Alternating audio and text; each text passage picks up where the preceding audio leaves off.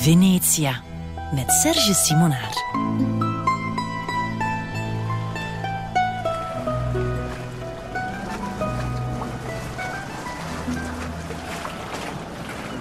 Buongiorno.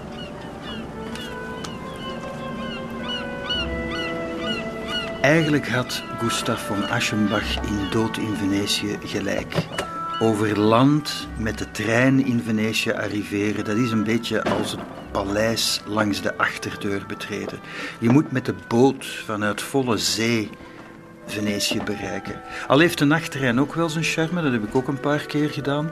Dan open je s ochtends je ogen en dan waan je je ehm, in de hemel alsof je in een schilderij van Canaletto stapt. En, en alsof Venetië een trompe-l'œil effect is. En als je dan kijkt, je komt uit het station gestapt, je ziet een stuk van het Grand Kanaal, zover je, ka- je kan kijken tot de bocht links, tot de bocht rechts, dan lijkt het altijd eventjes, omdat Venetië zich dan aan, het, de overkant van het kanaal bevindt, lijkt het alsof je uitkijkt op Atlantis, alsof Atlantis is verrezen. Prego. Grazie. La Fenice.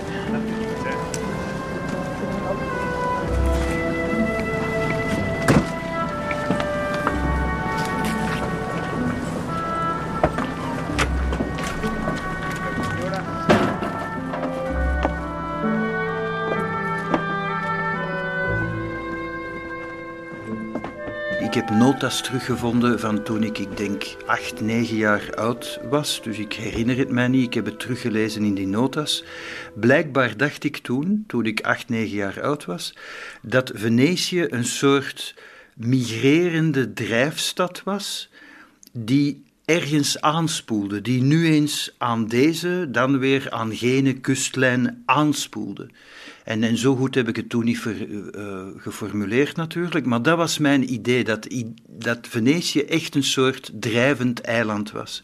En de eerste keer dat ik in Venetië was, ik vond het zo mooi en ik, ik ben niet onzeker, ik ben tamelijk zelfbewust, maar het verbaasde mij dat die mooie stad, dat al die pracht zo dichtbij was, binnen handbereik, dat ik er binnen mocht, zomaar.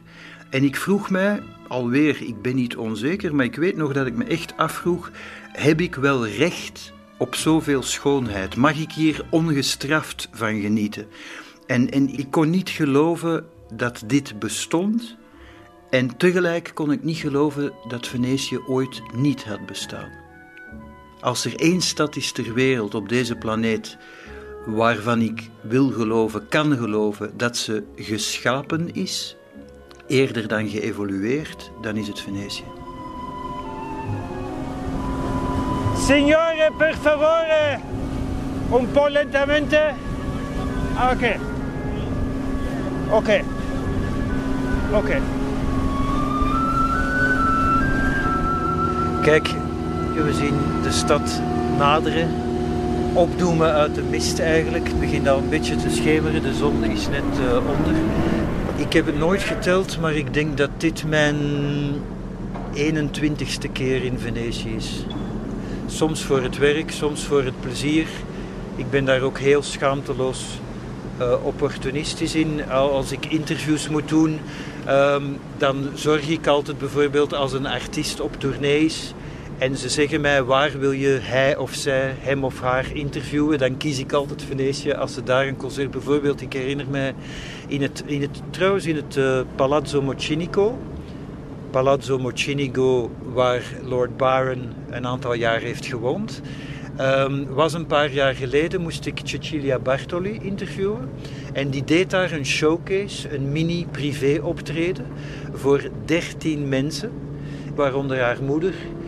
Ehm, zes of zeven of acht aria's ehm, in een palazzo waar ook nog, zoals de Engelsen zo mooi zeggen, sommige kamers, sommige gedeelten in their own juice zijn, in hun eigen nat, die nooit gerestaureerd zijn. Als je daar bijvoorbeeld onder de Piano Nobile in het Palazzo Mocinico, want er zijn er eigenlijk drie, maar dit is het echte, want de, dat is ook typisch, je ziet dan zo uh, Byron-fanaten zwijmelen bij het verkeerde palazzo. Omdat er drie zijn die alle drie Mocenico en dan staan ze daar en hier heeft Lord Byron en uit dat raam is, is hij gesprongen in het Canal Grande en dat, dat is dan het foute gebouw.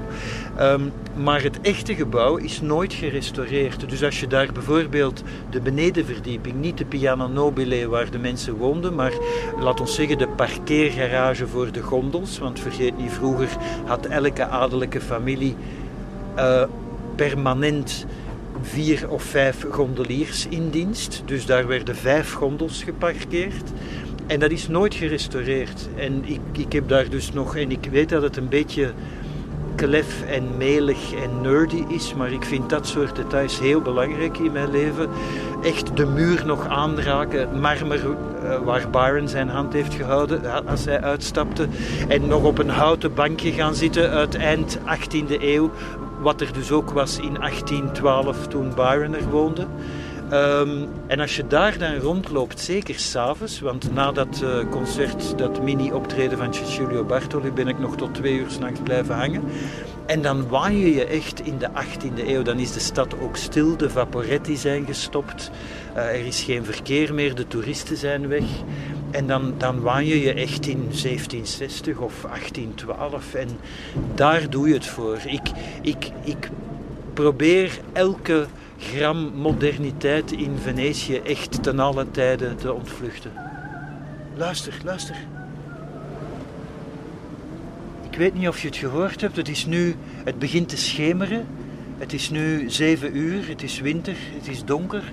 En normaal hoor je soms voor de toeristen, voor de foute toeristen, uh, hele slecht zingende gondoliers, de grootste clichés, O Solo Mio, wat, wat niet eens een Venetiaans lied is, uh, maar een Napolitaans.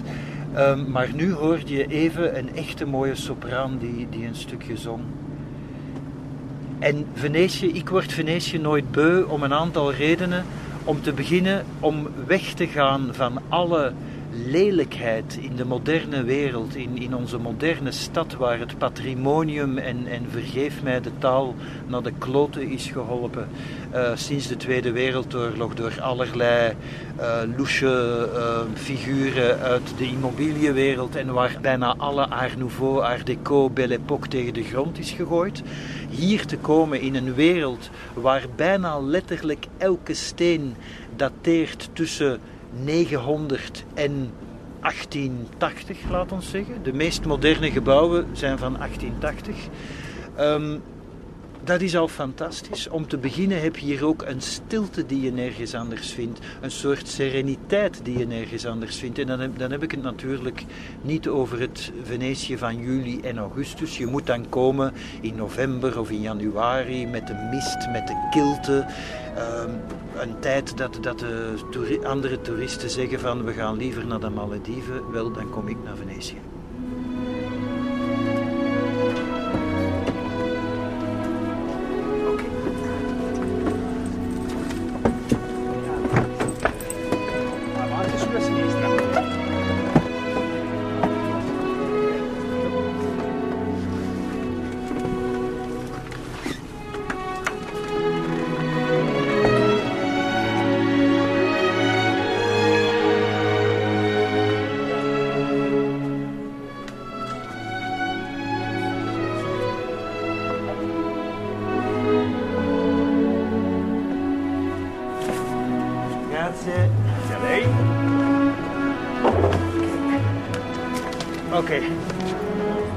Arrivederci. Arrivederci, grazie. Kijk, en nu, nu zijn we echt... Um, twintig minuten geleden zaten we nog op het vliegtuig. Eén minuut geleden zijn we aangekomen in Venetië en ik krijg, ik krijg al een krop in mijn keel. Alles valt van je af. Je, je, je weet plots, er is nog schoonheid in deze wereld. Um, er zijn nog plekken waar het patrimonium echt is beschermd en bewaard. Er zijn nog plekken die een ziel hebben.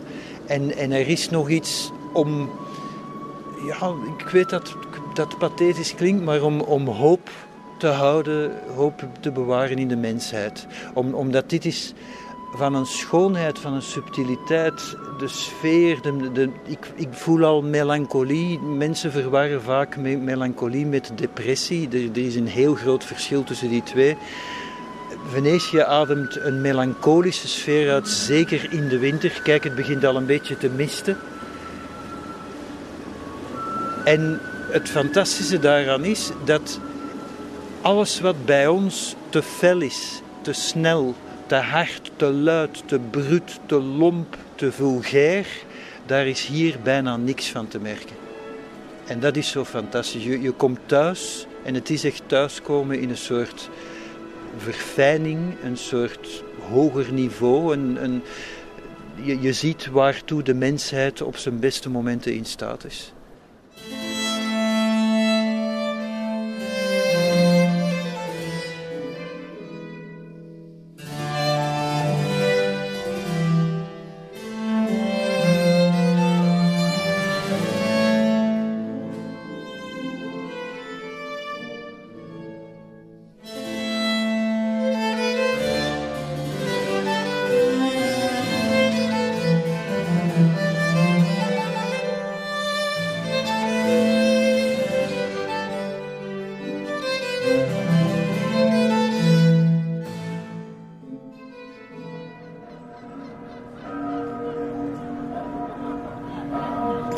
Ik heb altijd het gevoel gehad dat je het echte Venetië ontdekt tijdens een winterslaap. Als mist en nevel en koude en aqua alta, uh, het, het zelfgekozen isolement van Venetië nog vergroten. En, en Venetië straalt ook een soort grandeur uit die een eh, wat ik, wat ik sympathieke grootheidswaan zou noemen. Je, je hebt echt een neiging als je in Venetië rondloopt, en ik hoop dat ik niet de enige ben, om je een soort grandezza aan te meten. Uh, om iets hoofser te lopen dan noodzakelijk is. Uh, om uh, chevalier voor je naam te zetten. um, het, de, de stad dwingt je tot meeleven en, en deelnemen aan de grandeur. En eh, het heeft niks te maken met rijkdom of, of de, de grandeur van de palazzi. Ik bedoel, ik zou veel liever pauper zijn in Venetië dan uh, koning in Laken. Geloof me.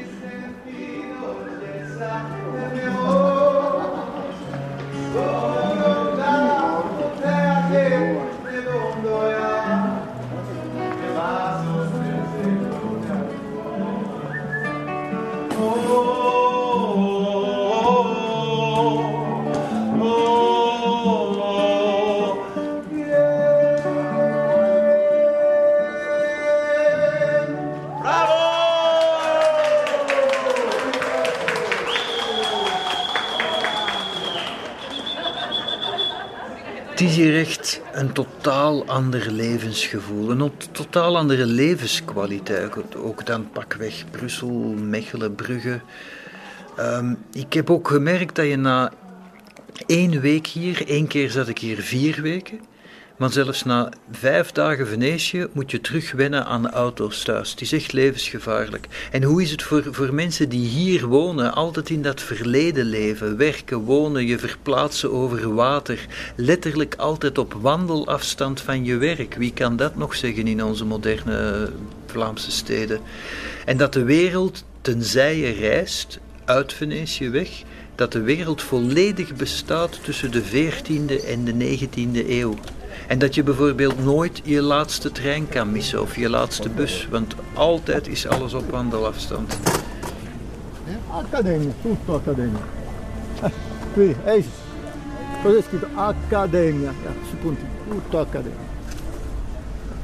In mijn ogen is Venetië versteende schoonheid soort reusachtig fossiel, een formatie van reusachtige stalagmieten, al die palazzi.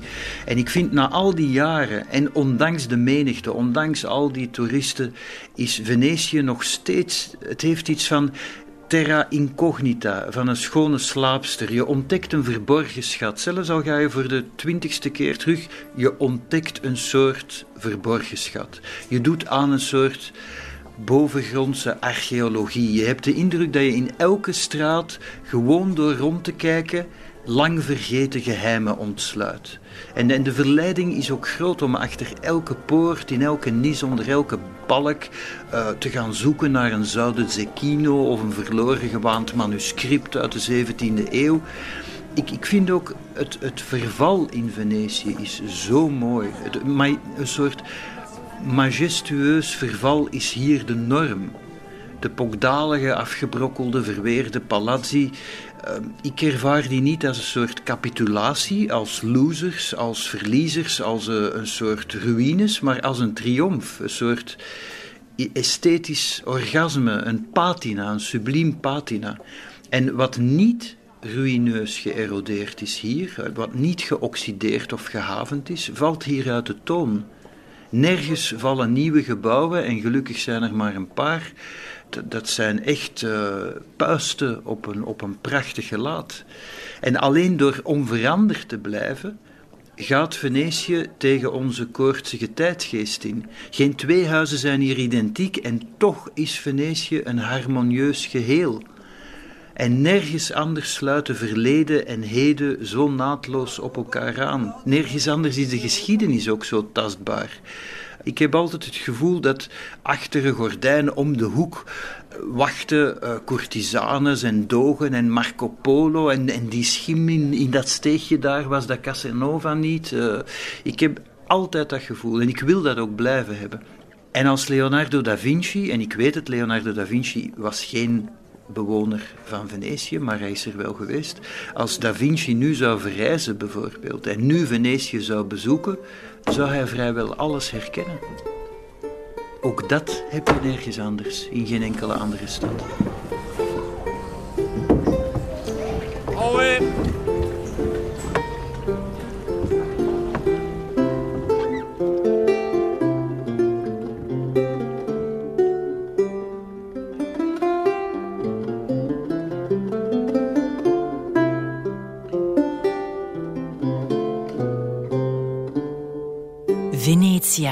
Met Serge Simonaar.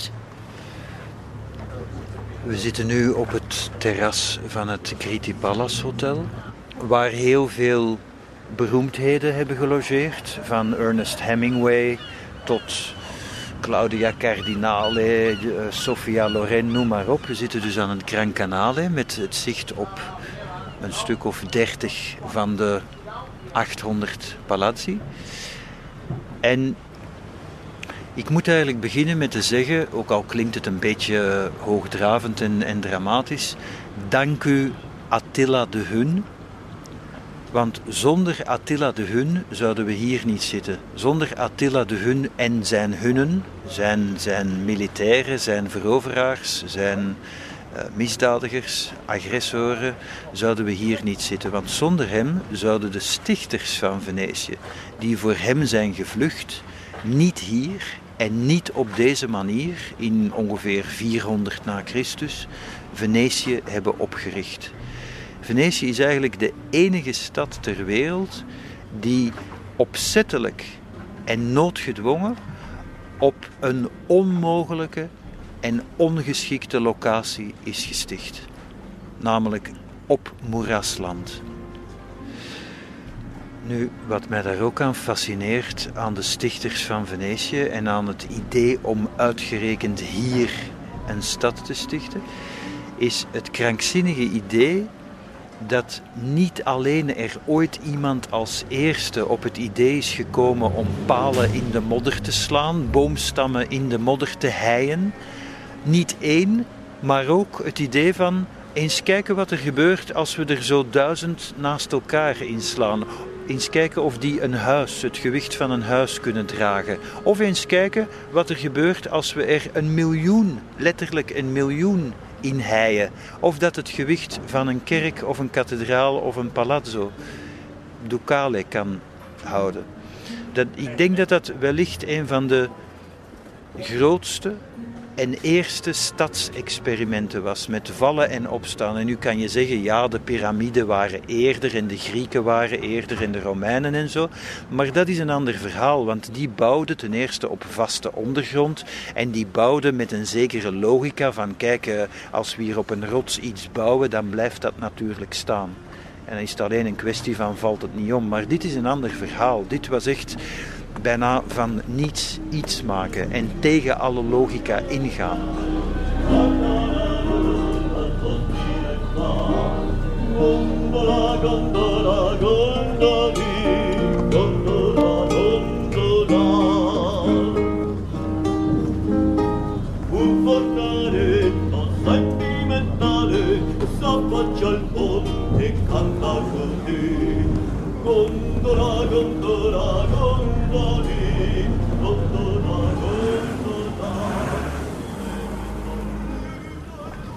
Kijk, achter mij, achter mij is het traghetto. Traghetto is eigenlijk een soort uh, oversteekplaats waar je met één gondel, waar je met 20, 30 mensen in kan, rechtstaand wordt overgezet, een soort overzetboot, maar dan een overzetgondel, wordt overgezet op het Gran Kanaal. En we zijn hier in de Calle de Traghetto.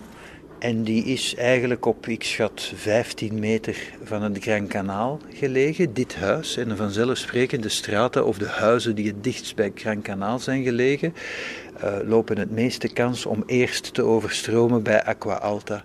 En daarom zie je vaak, en dat is eigenlijk gek genoeg, want de logica, ik begrijp niet dat mensen daar niet zijn opgekomen in, in de vorige eeuwen, want het is eigenlijk een heel simpel systeem.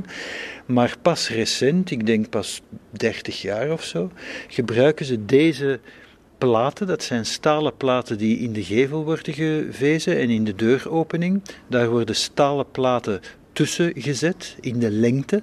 Die worden luchtdicht gezogen, zodat er geen water tussen kan. En je ziet ook aan deze gevel dat in het verleden het water, ik schat een meter, een meter en tien boven het niveau van de grond is gekomen. Maar dat is heel zelden. Meestal is het maar 40, 50, 60 centimeter. En die platen weerhouden dus het water om binnen te komen um, in de huizen. Want ik ken een paar winkeliers hier die echt vroeger 30, 40 keer per jaar hun gelijkvloers uh, moesten opkuisen. En vergis je niet, je zou kunnen denken van ja, water dat stroomt binnen en een paar dagen later stroomt dat terug buiten. Zo erg is dat niet. Maar vergeet niet, daar komt een hoop modder mee. Er komt een hoop slijm bij, uh, algen. Die algen tasten ook alles aan. Er is één boekenwinkel trouwens, ik vrees dat hij nu gesloten is maar een boekenwinkel die alle boeken tentoonstelt in een oude defecte gondel en in een aantal badkuipen. Omdat die boekhandelaar weet dat zijn winkel x aantal keer per jaar uh, overstroomt. En dat hij zich daardoor verdedigt door zijn boeken tentoon te stellen in badkuipen als een soort preventieve actie.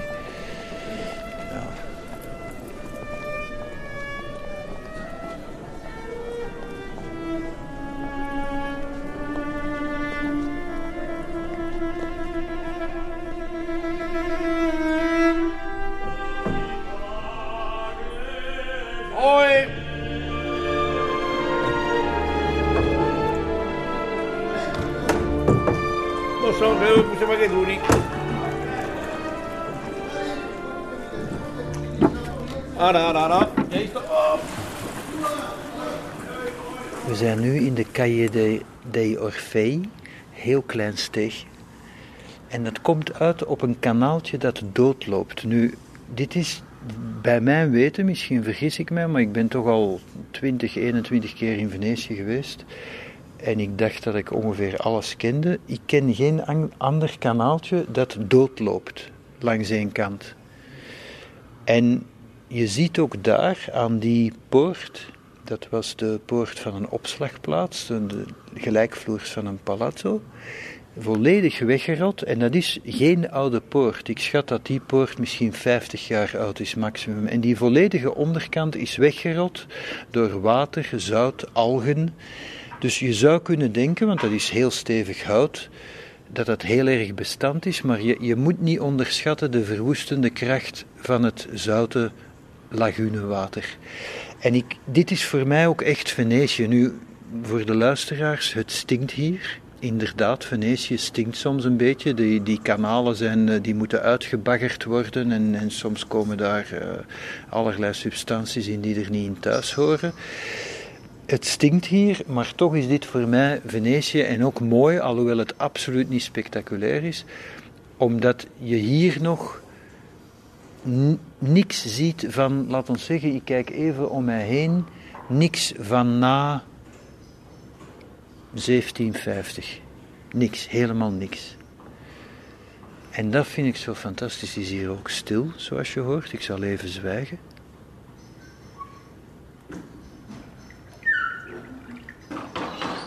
Nu deed een meneer op de piano nobile net de luiken dicht, die waarschijnlijk dacht, was, wat uh, staan die loesje mensen daar te doen. Maar je hoort hier dus niks.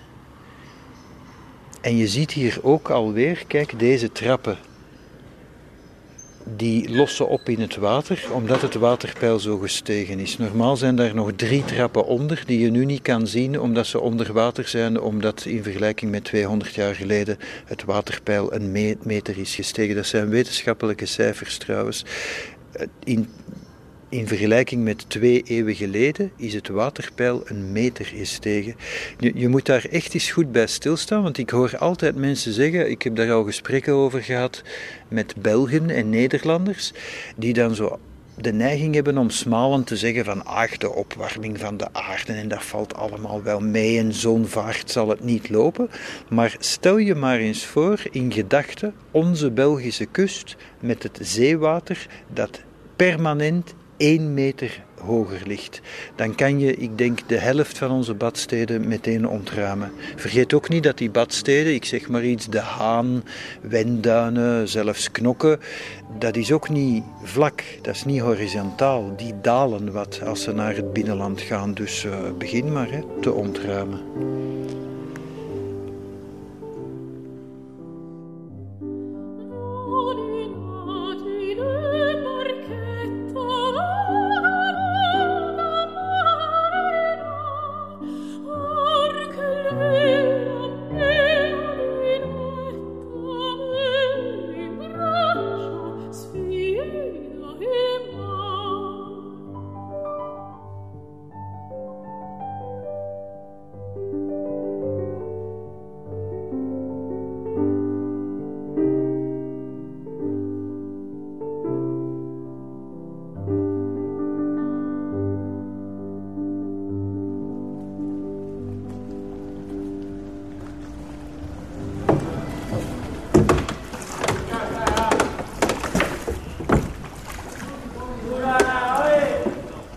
Kijk, dobberende gondels. Echt, het is echt een ballet. Uh, ik weet nog dat Oscar Wilde, die zei, hoe zei het nu weer, hij associeerde zwarte gondels met doodskisten, wat natuurlijk een voor de hand liggende associatie is. Ik, ik denk dat hij iets zei als varen in een gondel is, in Venetië is als door de riolen varen in een doodskist, zoiets. En nu, mensen denken altijd dat in Venetië helemaal niks verandert. Maar er was een tijd dat gondels alle kleuren hadden. Ik geloof pas van 1560 of zo kwam er een soberheidswet, ook al ironisch en een beetje hypocriet. Er kwam een soberheidswet tegen decadentie, um, wat, wat niet klopt, want heel de staat was decadent, de weelde lag in de riolen, bij wijze van spreken. Maar van dan af mochten gondels enkel nog zwart zijn. Vroeger zag je ook heel veel, ik heb er nog een paar gezien, nu, nu staat er alleen nog maar één in een museum. In de Cadoro, geloof ik, Ka, um, gondels met een cabine op, een, een felze. Een cabine die de passagiers aan het zicht ontrok. De, officieel was die cabine alleen maar tegen de, het harde zonlicht, maar natuurlijk zorgde die ook voor discretie, voor minnaars, overspelige, uh, rijke patriciërs die hun, hun mooie dochter niet wilden tonen aan voorbijgangers. Um, maar wat ik ook zo fantastisch vind aan een gondel is dat het is eigenlijk het enige vervoermiddel op deze planeet nog, voor zover ik me kan inbeelden en weet, dat je enkel nog neemt om esthetische redenen. de gondel is geen vervoermiddel meer. Oké, je kan wel met een gondel van het station naar je hotel worden gebracht of met een gondel van, van San Marco naar Castello. Ik noem het, dat kan, maar in principe is de gondel geen vervoermiddel meer. Het is, het is een soort uh, esthetisch genot dat je specifiek uh, inhuurt om je verbonden te voelen met de stad. Het, het van A naar B gaan is volledig secundair bij de gondel. En dat geldt niet voor, noem maar op, auto, brommer, fiets, taxi, boot enzovoort. Ook zo'n zintuigelijk genot is swinters, ik heb het nog maar één keer mogen meemaken, swinters het plezier van ochtends als eerste in een gondel het laagje ijs stuk te varen op sommige stille, mistige kanaaltjes. Het gekraak van de ijsnoden. Ik zal dat nooit vergeten, dat was zalig, echt.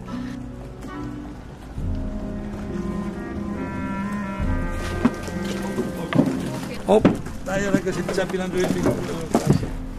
Ja, altijd opletten als je in een gondel gaat stappen, is er altijd zo'n moment van verwarring. Moet je de hand van de gondelier aanvaarden of niet? Als man denk je dan altijd, ik kan het zelf. Maar ik heb nog nooit iemand in een gondel zien... Uh, moment. In, in het water zien vallen bedoel ik, maar het heeft een aantal keren niet veel gescheeld.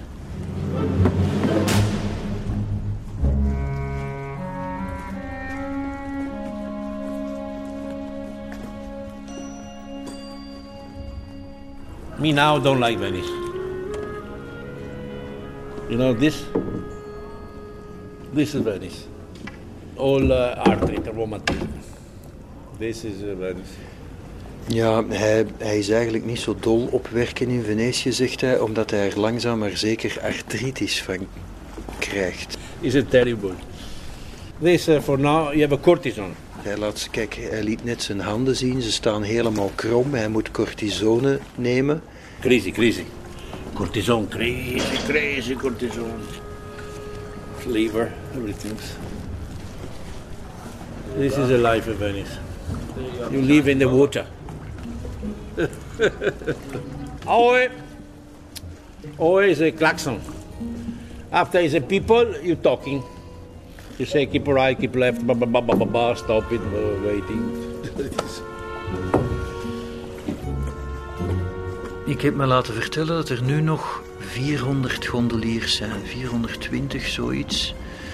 Um, nu, het is interessant om dat aantal te vermelden als je weet, dus nu een dikke 400, dat in 1700 dat, dat weet je uit brieven, uit, uit dagboeken uit die tijd, waren er 10.000.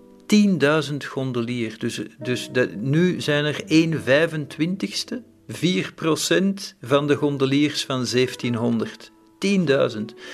En wat ook frappant is, tussen 1700 en 1762, dat, dat uh, jaartal heb ik in een brief gevonden, en toen is er sprake van 1500 gondeliers. Dus blijkbaar op 60 jaar tijd is de weelde van de Venetianen dermate gedaald dat heel veel palazzi, heel veel families hun gondeliers hebben afgedankt eigenlijk. Um, tussen 10.000 en 1500, dat is een enorm aantal op, op amper 60, 60 jaar tijd.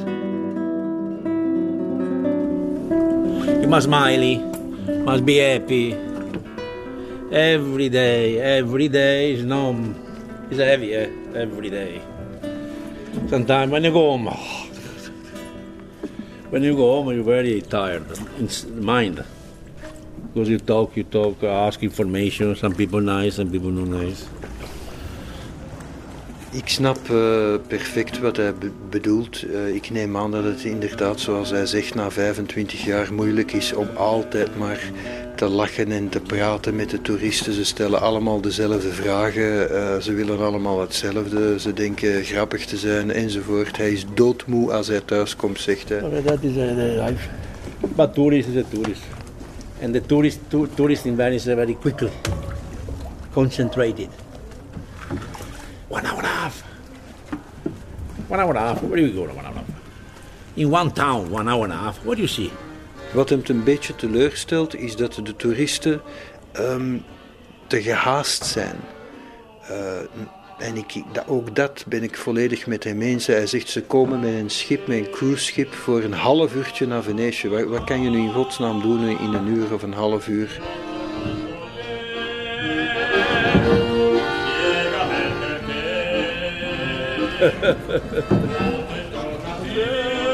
Oe!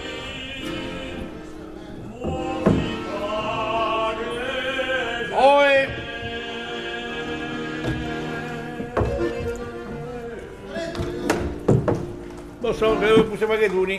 Het is ook zo elegant, hè? Als, je, als je gondeliers aan hoeken of kruispunten, als je het zo wil noemen, uh, soms roepen ze hoi.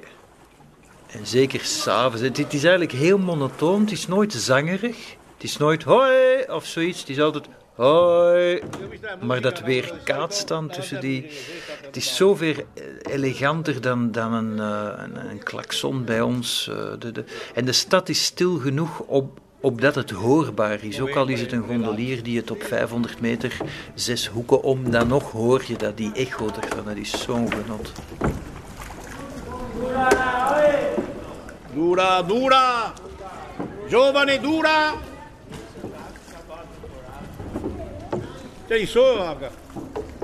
Maar het is echt een.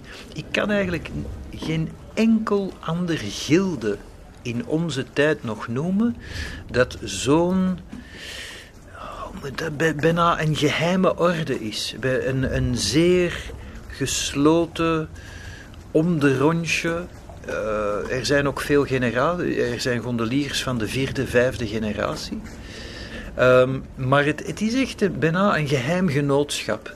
En, en ik heb ook een paar keer ge, geprobeerd, en ik, ik zal eerlijk toegeven, uh, ik werd daar niet geweldig. Ze waren vriendelijk, maar er bleef altijd een afstand. Ik heb een aantal jaren gedacht van, nu ben ik al zoveel keer in Venetië geweest, nu mag ik uh, in de baars een aperitiefje gaan nippen waar de gondeliers ook komen. En dan merk je toch, je blijft een buitenstaander, je blijft een buitenlander.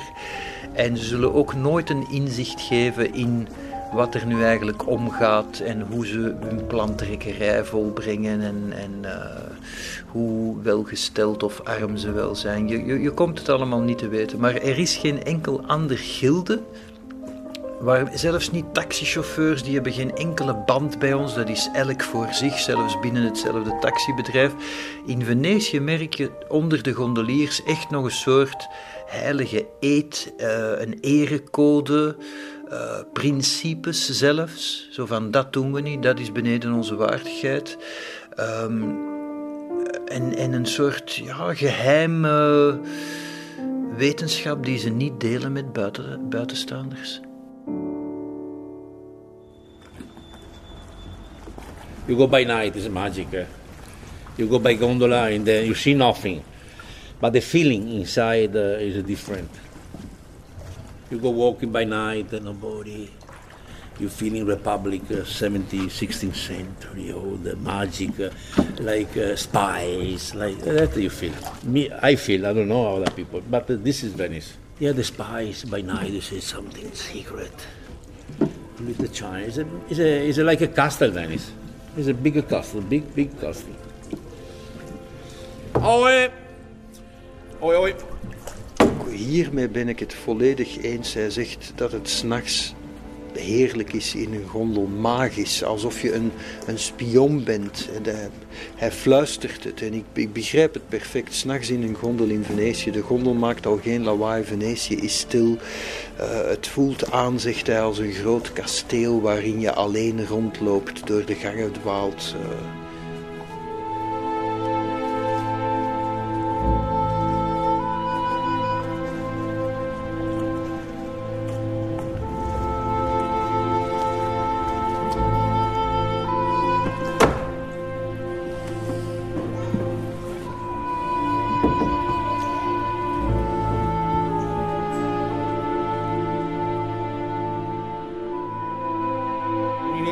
molto in gondola che mi te porto al lido, meno che non me fido di un imposto like a Venetian song. If you listen the gondola, it's not famous. When they come a tourist in the gondola, ask you music, if a place, ask you volare, sole mio. All the time that song. No change it. Sempre qui. All the time that song. Ja, hij klaagt dat toeristen altijd maar dezelfde, hetzelfde handvol gondeliederen willen horen, die dan nog in de helft van de tijd niet eens Venetiaans zijn. De dingen zoals Volare of O Sole Mio, altijd maar opnieuw hetzelfde zegt hij, O Sole Mio. Uh, ik heb ook een hekel aan dat lied trouwens. Sole mio want. Sole mio, volare, tetto want. Venetian song. Everybody know that song. Right, uno, due, oh, me la like.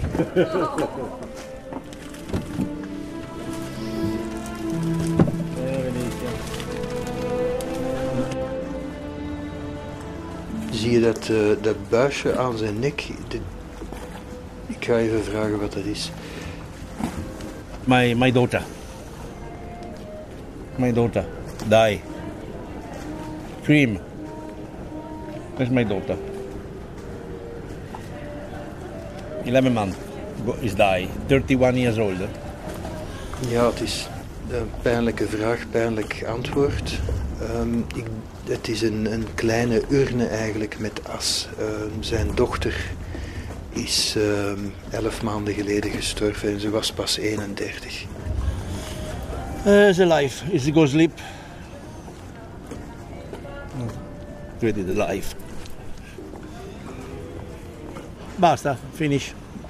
In Venice you drink. In Venice you drink.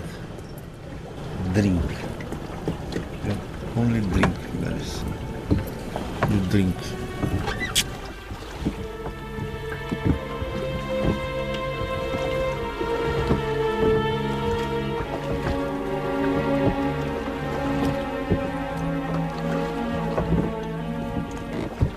Begrijp me niet verkeerd, ik wil zeker niet doen alsof de doorsnee Venetiaan een alcoholicus is, absoluut niet. Maar je mag niet vergeten, hier wordt genipt van vroeg tot laat. Het maakt niet uit, want alles gaat toch te voet. Je hoeft nooit achter je stuur te kruipen en in het verkeer te gaan. Ik ken verschillende mensen die, die hier werken als, ik zeg maar iets, advocaat of boekhouder en die hun afspraken altijd maken in de baars. Altijd uh, sociale contacten onderhouden op, op hun weg naar hun werk, op weg naar huis, stoppen in ettelijke barretjes, een glaasje drinken. Uh, ik ken voorbeelden van, van mensen die 30, 35 uh, kleine glaasjes nippen per dag. Uh, gewoon omdat ze weten dat ze naar niks kunnen kijken. Ik bedoel, één keer om de vijf jaar valt er wel eens een dronken Venetiaan in een kanaal, maar erger wordt het hier nooit. Dus het, het maakt eigenlijk ook niet, niet uit. Je moet nooit blazen hier, om het zo te zeggen. En gondeliers trouwens, gondeliers zijn de enige die nog in een doodskist met de gondel naar San Michele worden vervoerd. De enige die dat mogen. Dus stel dat morgen, ik zeg maar iets, Barack Obama of iemand die geweldig beroemd is, of de premier van Italië, om te even de burgemeester van Venetië, die mag niet met een gondel met de doodskist naar San Michele vervoerd worden. Enkel gondeliers. En wat ook zo mooi is, ik heb het één keer gezien, eind jaren 80 denk ik, echt al lang geleden. Wat zo mooi is, die gondel met de doodskist waarin de overleden gondelier stopt dan even aan het atelier waar hij werkte of aan de stopplaats waar hij altijd uh, pauzeerde. Het is zo prachtig.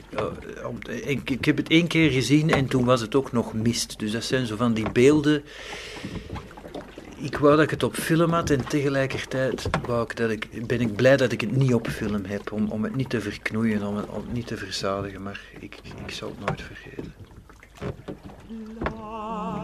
so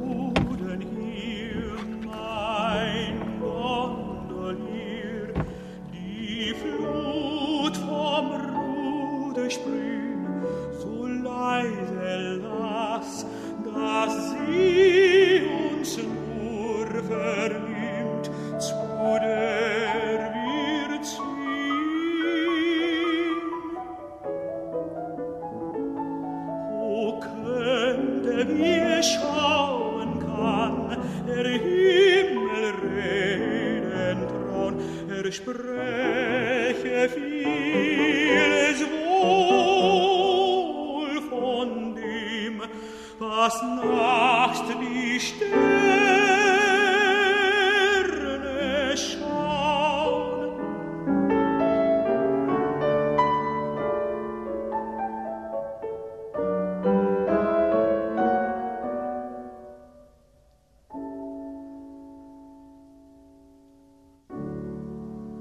Venetia met Serge Simonaar.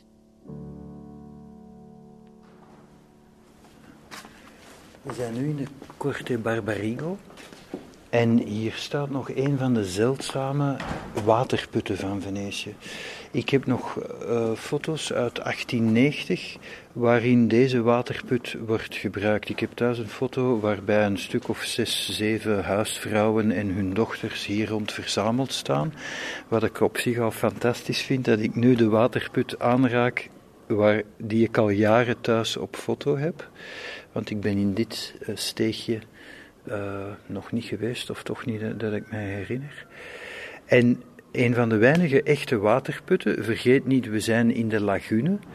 En zo voor de hand liggend is dat niet. De lagune is deel van de Middellandse Zee en de Middellandse Zee is zoutwater, dus niet drinkbaar water. Daarom ook mensen vragen soms, uh, ja maar hoe komt het toch die Venetianen die hebben slecht gebouwd of die onderhouden hun patrimonium niet, want al die palazzi aan het Garda en het Como-meer, die zien er veel beter uit en die hebben geen waterschade. Allicht niet, dat is zoetwater. Het is niet het water op zich dat de schade aanricht, het is het zout in het water dat de stenen aantast en dat zich vastzet in de voegen en dat dan uitzet zodat de stenen uit elkaar barsten en zodat gaten ontstaan in de fundering enzovoort. Maar dus de waterputten werden toch gebruikt, wat ook weer gek is als je bedenkt dat onder deze waterput en onder de grond waar we nu staan zitten die houten palen, zitten die bomen die in de grond zijn geheid. Dus tussen die bomen is dan ruimte gelaten om een waterput te maken. En er, het is een aantal keer gebeurd, niet alleen in Venetië, maar ook hier, dat dat water op een of andere manier vergiftigd werd. Uh, dode ratten, die het besmetten of een andere infectie. En voor een stad als Venetië was dat een ramp, zeker in der tijd. Vergeet niet, nu is Venetië strikt gezien geen eiland meer. Er is een spoorlijn, er is een autoparking, er is een verbinding met, met het. Het is eigenlijk een soort kunstmatig schiereiland nu. Maar vroeger was het een echt eiland. En er zijn ook periodes geweest dat Venetië werd belaagd door tal van volkeren, van, van de van de wilde mannen tot de Pruisen, laat ons zeggen, tot de Oostenrijkers en de Fransen, dat ook de toevoer werd afgesneden en dus ook de toevoer van water. En als je op één ding niet kan overleven, niet lang is het zonder water. Nu ook omwille van het belang van water stond in Venetië de doodstraf op water vervuilen, op welke manier dan ook. En ik denk niet dat er een andere stad is in Europa waar watervervuiling gelijk werd gesteld aan moord, zelfs massamoord of volkerenmoord. Dus misschien een les die wij kunnen overnemen voor onze tijd, dat watervervuiling ook voor ons op termijn zal leiden tot een soort massamoord. Dus de Venetianen waren alweer eerst en slimmer. Kijk, je ziet bijvoorbeeld op deze waterput is uh, een smeedijzeren deksel aangebracht. Dat deden ze van het midden van de 19e eeuw, precies om misbruiken van de waterput te vermijden. En nu misbruiken is, is, misschien een groot woord, want het gaat niet alleen over vergiftigen, maar laat ons niet vergeten, en, en het spijt me als het een beetje plat of banaal klinkt, maar het was ook een tijd waarin de doorsnee uh, burger of Jan met de pet al eens te veel dronk en dan voor de lol misschien zich ontlastte in zo'n waterput enzovoort. Al die dingen gebeurden. En het, het was te gevaarlijk, uh, er was weinig voor nodig om die, dat water te besmetten en ondrinkbaar te maken. Vergeet ook niet, we zitten in het zuiden van, van niet het zuiden van Italië, maar we zitten in het zuiden van Europa. Het kon hier uh, in de zomer 40, 45 graden worden. Dat is ook al niet bevorderlijk voor de staat van het water. Kortom, in Venetië was water bijna goud.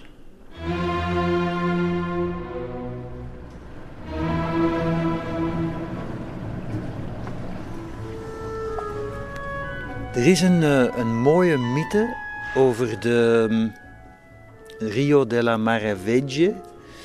Als je het letterlijk vertaalt zou je kunnen zeggen het kanaal der wonderen dat hier verder begint. Kijk, links van die brug. Maar ik heb niet kunnen ontdekken of het nu een, een mythe is die is verzonnen door een schrijver of een mythe die al eeuwen meegaat onder de bevolking. Maar ik vind het een mooi, mooi verhaal. Het is een tikje melig, maar in Venetië, uh, in poëtische context, mag dat wel.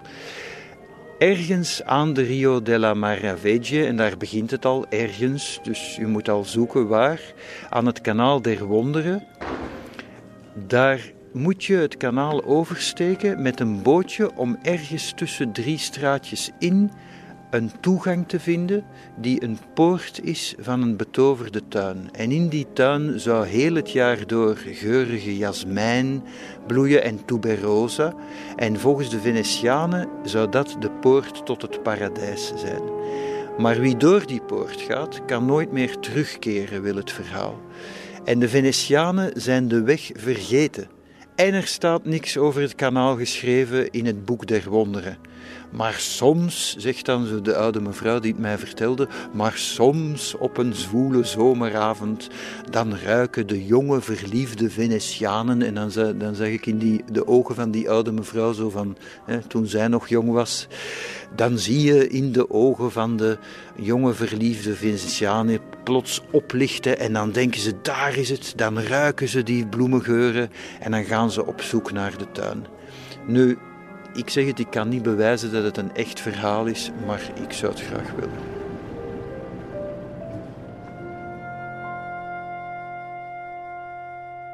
Ik heb een boek eh, over Venetië uit 1894 en daar staat op bladzijde 95 The Terrific Earthquake of January 25th, 1348, 1348 which, en ik citeer, swallowed up the waters of the Canalezzo, dus de, het Kanaal, as by miracle. For a fortnight it remained dry and the flow was interrupted. Vrij vertaald, in 1348 was er een aardbeving, er was een scheur in de aardkorst en door die scheur werd het water uit het Grand Kanaal, dat moet je je proberen voorstellen, weggezogen. Stel je voor, het water van de Schelde aan Antwerpen wordt weggezogen en de bedding ligt droog.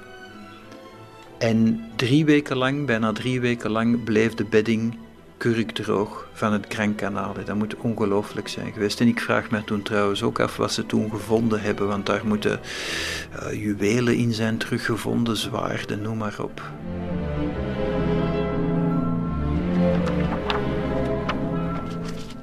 Ik heb hier voor mij een uh, tamelijk uh, excentriek antiquarisch boekje. Het is een uitgave uit 1919 van uh, de Venetiaanse epigrammen van Johann Wolfgang von Goethe. Goethe is natuurlijk in Venetië geweest, maar in de Venetianische epigrammen, 1790, gaan slechts een paar lijnen over Venetië. De rest gaat over reizen, dingen waar hij aan een hekel heeft, uh, Europese politiek, een liefde die hij afwees. En daarom, om die laatste reden, en dat is ook het verhaal van miljoenen bezoekers aan Venetië, de liefde die hem afwees, daarom kwam hij naar Venetië en daarom woonde hij hier een tijd somber, vol heimwee, in onvrede met de wereld. Dat is ook typisch, iedereen praat altijd over geliefden die naar Venetië komen, maar mensen vergeten altijd dat ook heel veel afgewezen geliefden of eenzaten, wordt enorm onderschat hoeveel eenzaten en vrijgezellen en alles behalve vrolijke vrijgezellen in Venetië rondlopen. Dat valt mij altijd op als wij in Florian zitten of op een pleintje of zoiets. Je moet daar eens goed op letten. Um, zo van die Jozef Brodsky-achtige mannen van middelbare leeftijd, uh, soms met een baard, met een sigaartje, met een uh, Panama-hoed op. Dat is echt een bepaald type. Peter van Straten zou er een mooie cartoon van kunnen maken. En die zie je hier heel veel. De, het soort mannen die gescheiden zijn of um, bitter huwelijk achter de rug of gewoon alleen zijn, maar wel intelligent zijn, uh, goede smaak hebben en een soort culturele reis willen maken. Uh, waarbij ze op kunnen gaan in de menigte, maar waarbij het toch ook niet erg is om alleen te zijn. Dat valt mij ook altijd op. Ik ben ook al een aantal keren alleen in Venetië geweest voor mijn werk en ook twee keer privé. Venetië is een prachtige stad om alleen rond te lopen. Je voelt je hier niet snel eenzaam en er is zoveel te zien.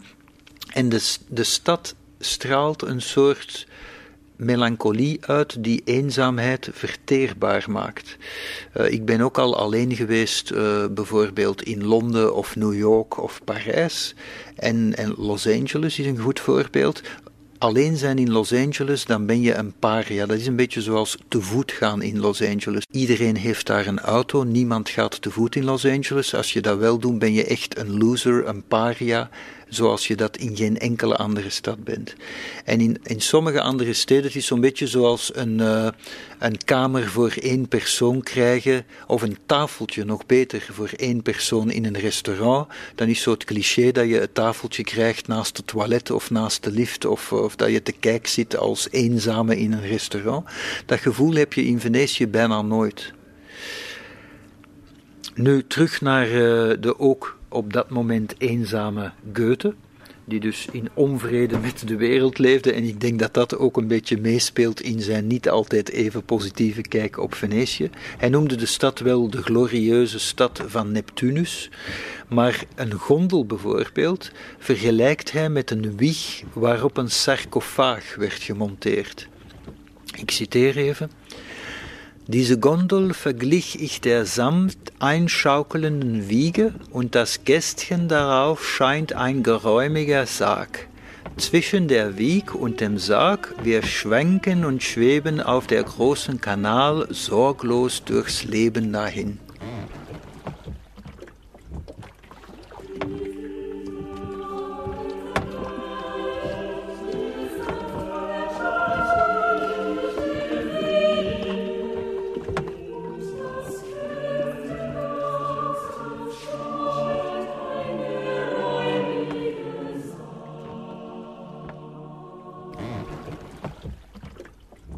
Chateaubriand, de grote Chateaubriand, schrijver, filosoof, levenskunstenaar, noem maar op, heeft in zijn memoires d'outre-tombe geschreven, en ik citeer, Il y a assez de civilisation à Venise pour que l'existence y trouve ses délicatesses.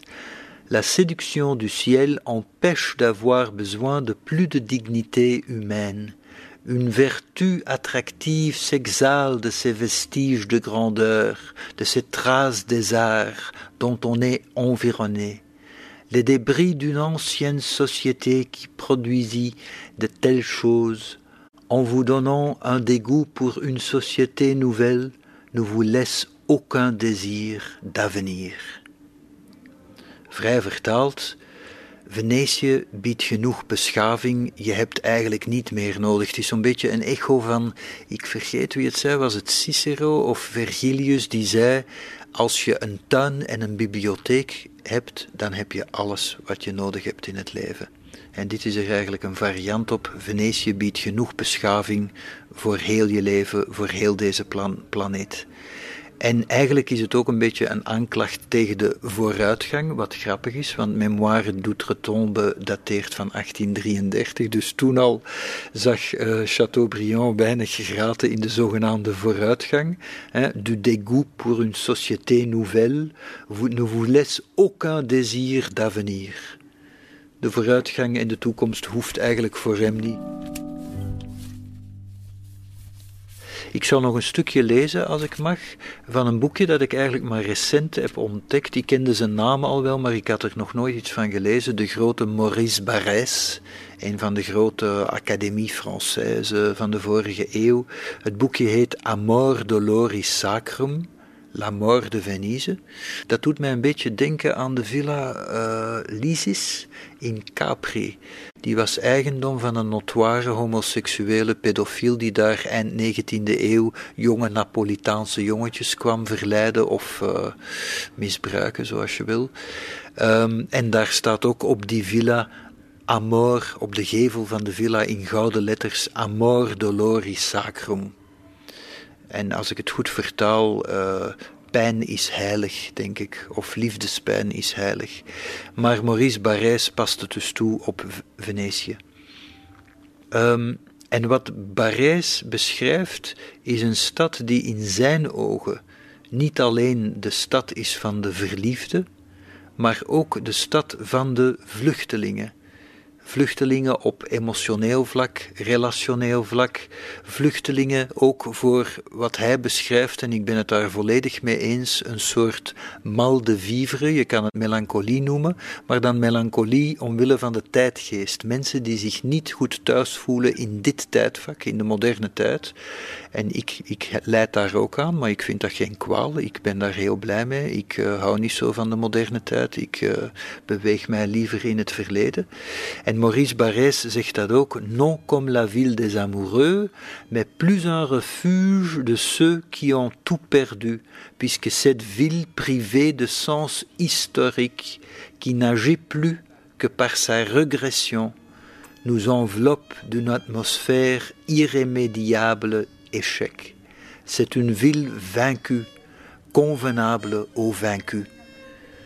Dus hij omschrijft Venetië als eigenlijk een, een verslagen stad, een stad die in zekere zin heeft gefaald, omdat ze op een bepaald moment heeft afgehaakt en niet meer haar glorie van weleer, eigenlijk een, een andere manier om te zeggen vergane glorie. En daarom voelen mensen in, die in hun eigen leven vergane glorie hebben zich daar zo thuis. Buona giornata ci auguri signori. E buona fortuna alla vita. Siamo veneziani.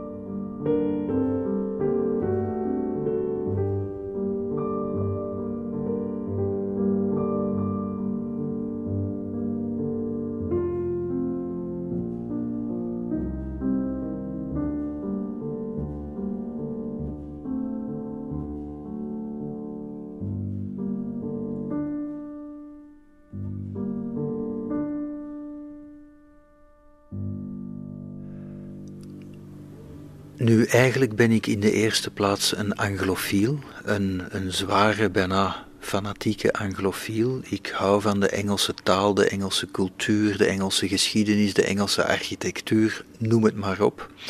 En het is een grote troost voor mij dat heel wat van mijn favoriete Engelse schrijvers ook Venetië prachtig vonden.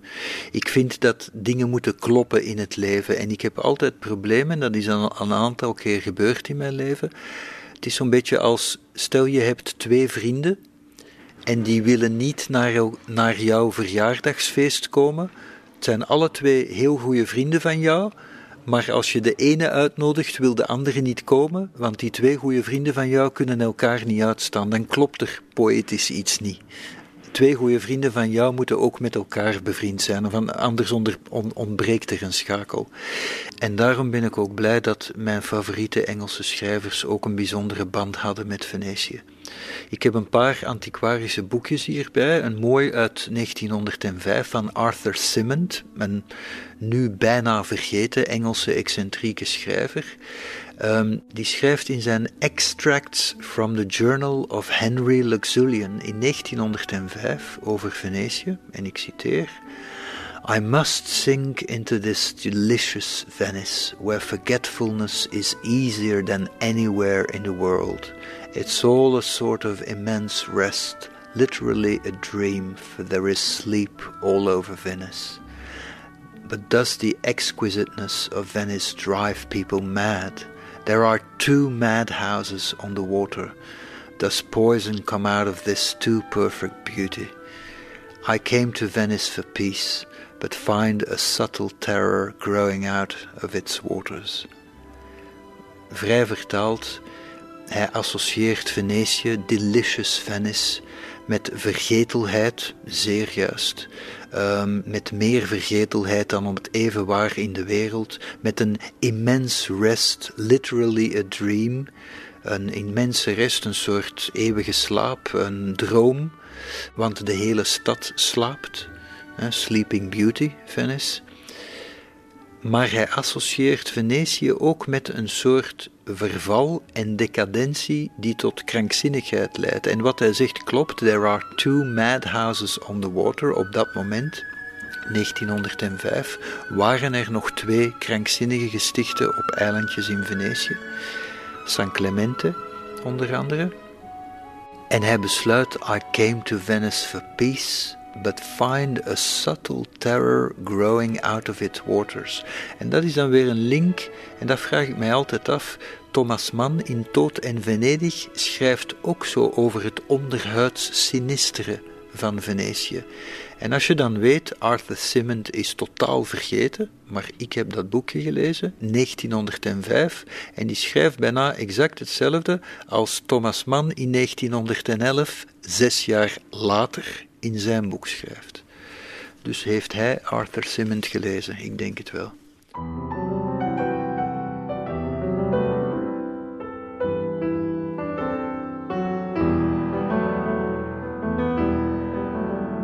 Come forth, for the night is falling.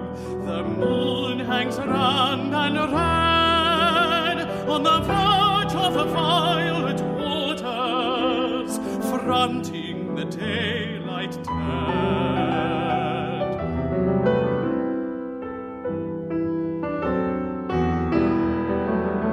Come forth the liquid spaces of sea and sky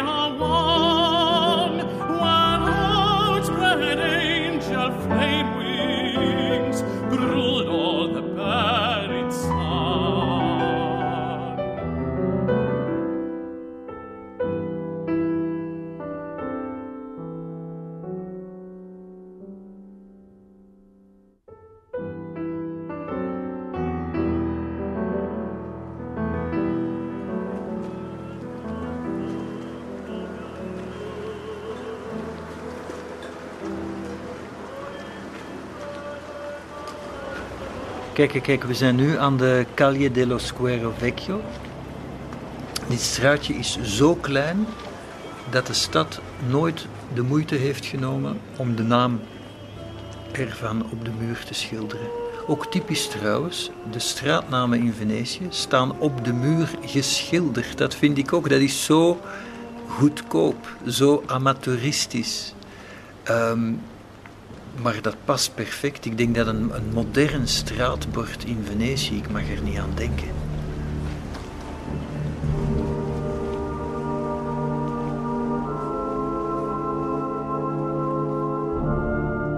Venetië is sowieso een zintuiglijke stad, maar een gevolg van het feit dat er geen verkeer is, geen autoverkeer, is natuurlijk ook dat je de stad ruikt.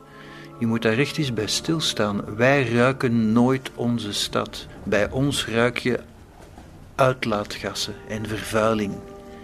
In Venetië ruik je echt nog de stad. Je ruikt de kanalen, je, je ruikt de groenten, je, je ruikt ook het afval af en toe. Je ruikt de steen, je ruikt e- echt, en ik, ik overdrijf niet, je ruikt echt de stenen. Ook omdat veel van die stenen zijn ook vochtig, dus je ruikt ook mos. Al dat soort subtiele geuren, van de, die de stad eigen zijn, vind je in onze moderne steden niet meer terug, omdat de vervuiling ze overwoekert.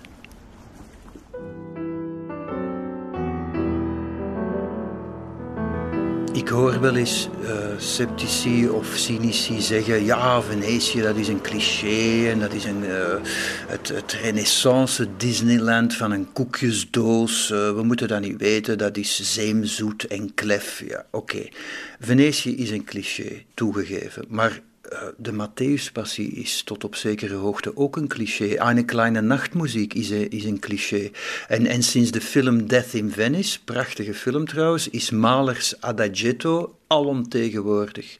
Zullen we dat dan ook maar allemaal afschaffen? Want dat zijn allemaal clichés. Ik vind het is niet omdat gladde opportunisten een kunstwerk kapen, of omdat simpele zielen niet verder kijken of verder luisteren dan de eerste laag, dat er iets mis is met dat kunstwerk. Ik vind dat massaproductie en massatoerisme niets afdoen aan de uniciteit en de waarde van Venetië. Um, wie, wie van Venetië enkel het cliché ziet, is volgens mij verwondering verleerd en vindt ongetwijfeld ook een, um, een ontluikende kersenbloesem verdacht uh, en elk oprecht gevoel een vals sentiment. Ik herinner me dat de vader van een Amerikaanse vriendin van mij in de jaren 90, die had van Venetië enkel onthouden, en ik citeer, dat het stonk. Dat was ook dat was een hele rijke, uh, nogal coole, pragmatische advocaat. Venetië stinkt, dat had hij onthouden. Nu, zulke mensen leven misschien in hetzelfde land als ik, maar wel op een andere planeet. Ik, ik weiger om blasé te worden en niet meer van Venetië of van een zonsondergang te genieten, omdat een zonsondergang al op een ziljoen postkaarten werd afgebeeld. Zie ook Venetië, ook een ziljoen postkaarten. Als je al niet over Venetië mag zwermen, waarover dan wel? Ik vind dat Venetië, naar mijn gevoel, de laatste plek ter wereld is om koel en afstandelijk en rationeel over te denken.